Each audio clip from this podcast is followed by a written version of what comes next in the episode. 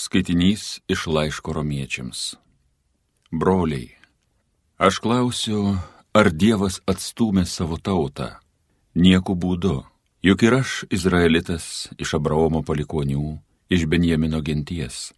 Dievas neatstumė savosios tautos, kurią iš seno yra pasirinkęs.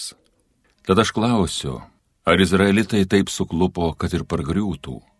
Nieku būdu, Tik per jūsų klupimą pagonių tautoms atėjo išganimas, kad juos paimtų pavydas. Bet jeigu jūsų klupimas reiškia pasaulio praturtinimą, o jų mažas skaičius pagonių praturtėjimą, tai ką duos jų pilnuma? Kad jūs, broliai, per aukštai apie save nemanytumėte, pasakysiu jums paslaptį. Dalis Izraelio tautos lieka užkietėjusi, kol įeis pagonių visuma, o tada bus išgelbėtas visas Izraelis, kaip parašyta. Iš Sijono kalno ateis gelbėtojas ir nukreips nedorybės nuo Jokūbo. Ir tokia bus jiems mano sandora, kai nuimsiu jų nuodėmes. Žiūrint Evangelijos, jie yra Dievo priešai jūsų naudai. Bet žiūrint išrinkimo, jie numylėtiniai dėliai savųjų protėvių. Juk Dievo malonės dovanos ir pašaukimas neatšaukiami. Tai Dievo žodis.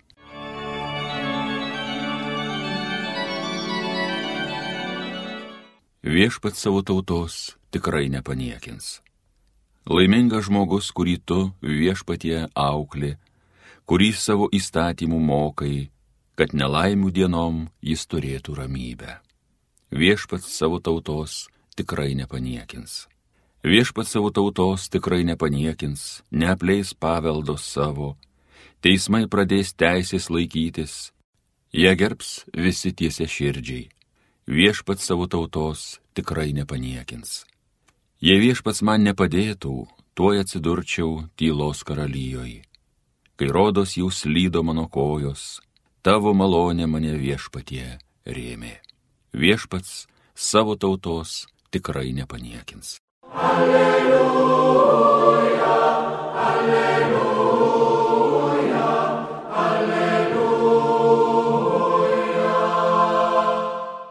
Imkite ant savo pečių mano jungą ir mokykitės iš manęs, sako viešpats, nes aš romus ir nuolankios širdies. Alleluja,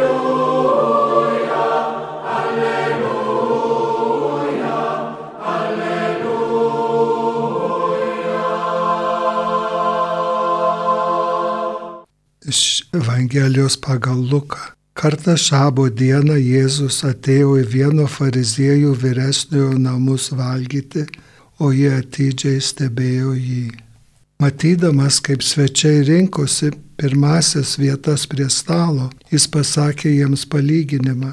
Kai tave pakvies į vestuves, nesisėsk pirmoje vietoje, kad kartais nebūtų pakviesta garbingesnio už tave ir atėjęs tas, kuris tave ir jį kvietė, netartų tau, užleisk jam vietą. Tuomet sugėdintas turėtum sėstis į paskutinę vietą. O kai būsi pakviestas, verčiau eik ir sėskis paskutinėje vietoje, tai atėjęs šeimininkas tau pasakys, bičiuli, pasislink aukščiau. Tada tau bus garbė prieš visus svečius. Kiekvienas, kuris save aukština, bus pažemintas, o kuris tave žemina, bus išaukštintas.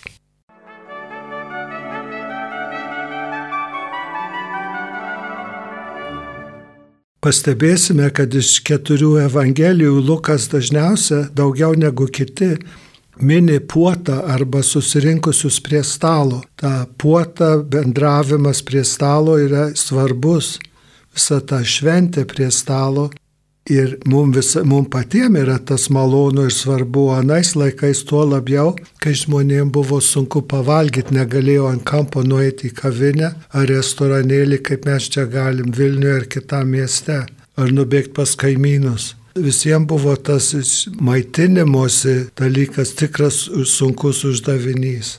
Priklausas ir nuo klimato, ir nuo viso kito. Tai labai svarbu yra tas bendravimas. Ir čia yra stalo bendravimas, yra panašus į Dievo karalystę. Yra, ką Jėzus nori parodyti. Kad mes visi kartu sėdim prie viešpaties stalo ir mes apie tą, aišku, kalbam kalbėdami apie Eucharistiją, apie mišes, yra stalas ir mes susirenkam aplink jį. Jėzus pastebi žmonės, kurie išpučia savo svarbą. Ir gal mes esam tą patyrę kokiuose nors pietuose.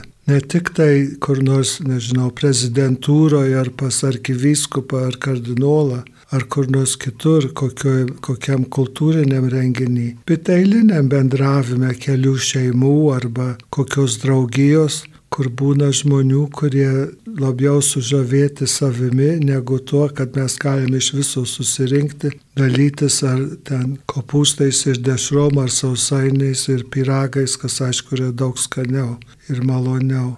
Ir kiti išnaudoja tą susirinkimą kitus išnaudoti savo pranašumu. Aš esu jau už jūs geresnis, o jūs žemesni dėl to, kad tas žmogus yra pajėgus ar turtingas, ar nežinau, žino, kad yra be galo gražus, daili ir kad ten bebūtų, ar turi kokius privalumus.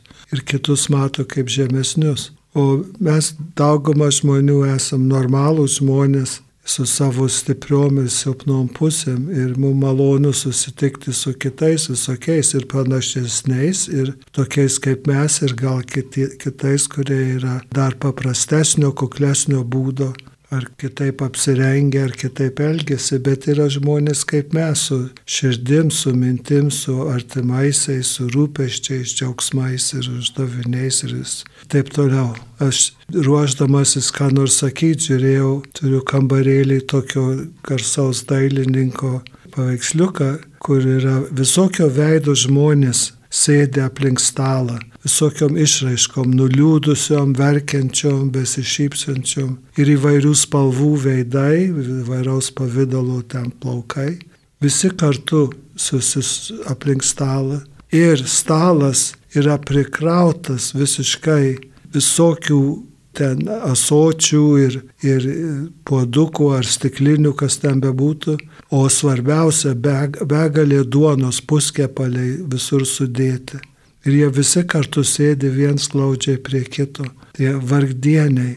Tai yra tas įvaizdis šitos dangiškos puotos Dievo karalystės, kur visi yra priimami, kokie bebūtų šioje žemėje užsiemimai, profesijos, amžius, nežinau, teisės, prievolės, pareigos ir taip toliau, bet kiekvienas yra, kiekvienu džiaugiamės. Ir už tai yra taip smagu, kai yra, kai esu tūkstantį kartų buvęs įvairiuose parapijose, kur yra kažkokios vaišės. Ir kaip smagu, kad sėdi ir šeimos, ir savo tarpę draugauja, ir vaikai tarp stalų eina pas visokias močiutės. Ir yra, tada jautiesi lyg būtum kur nors dangui su angelais, kur žmonės draugiški, jiem rūpi ta visa bendrystė tų, kurie stengiasi Kristų sekti, ne tik dalyvaudami bažnyčioje, bet ir tose šventėse, ir savo kasdienime gyvenime, darbe, moksle kitose pareigose šeimose, kokie būtų jų uždaviniai. Ta švelni, draugiška, reikia sakyti, vardienių bendrystė yra didžiulis turtas, kurį Dievas mums duoda.